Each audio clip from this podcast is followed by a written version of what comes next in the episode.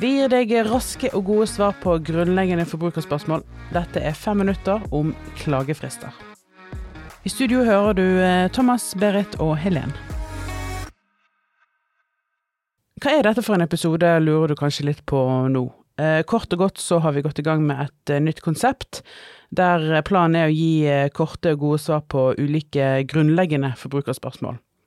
Disse femminuttersepisodene vil også komme ut annenhver uke, i ukene mellom våre faste episoder på ca. 20 minutter. Det betyr at vi har et eh, lyttetilbud til dere som vil høre mer om ulike temaer som vi i Forbrukerrådet jobber med, i tillegg til å få svar på spørsmål som dere kanskje også lurer på, hver uke.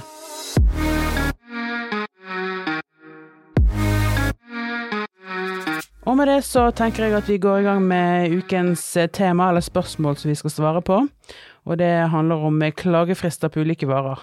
Og der lurer jeg litt på Thomas og Berit. Er det to eller er det fem års klagefrist?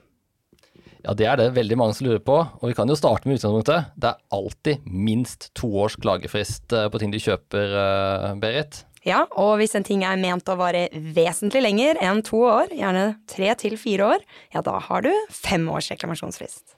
Hvordan skal man egentlig finne ut av det, da, om noe er ment å vare vesentlig lenger enn eh, en to år? Det er mye som varer lenge, i hvert fall hjemme hos meg.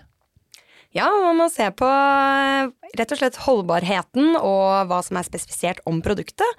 Og så har jo ofte prisen en del å si, da. Ok, Så hvis jeg har kjøpt et par med joggesko, hva er klagefristen der, da? Jeg vil jo tenke at hvis de ryker innen to år, så kan du jo klage til selger nesten uansett, så lenge ikke du har jogga så mye at du faktisk har brukt de opp, da. Men uh, du kan neppe regne med at uh, klagefrist er lengre enn to år på et uh, par med joggesko. Og en PC, da. Den kan jo være ganske dyr. Hva er klagefristen der? Nei, en PC den er ment å vare vesentlig lenger, og da har den en femårs klagefrist. Eh, og en hårføner? Tenker jeg femårs klagefrist der også, jeg. Ja, tenker også det. Prøver vi på enda flere produkter. Hva med en bukse? Det tror jeg faktisk også har fem års klagefrist, hvis du kjøper en jeans f.eks. Mm. Litt avhengig av prisen, kanskje? Litt avhengig av pris, og litt avhengig av hvordan den egentlig er markedsført.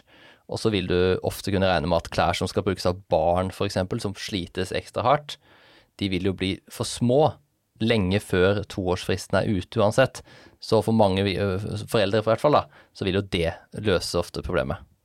Ok, og når du har gått og kjøpt denne buksen, så legger du den ofte i en f.eks. en veske, en litt stor veske. Hvor lang klagefrist har man på en veske? Ja, gjerne fem år på, på den også.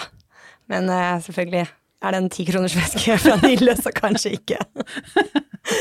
Nei, det er sant. Altså, pris eh, styrer jo litt av det, og forventa kvalitet styrer litt av det. Altså, hvor lenge produktet typisk teknisk sett holder da, ved det vi kaller for vanlig bruk. Og vanlig bruk er jo da helt det, Kall det gjennomsnittlig bruk av produktet. Ja, jeg skjønner.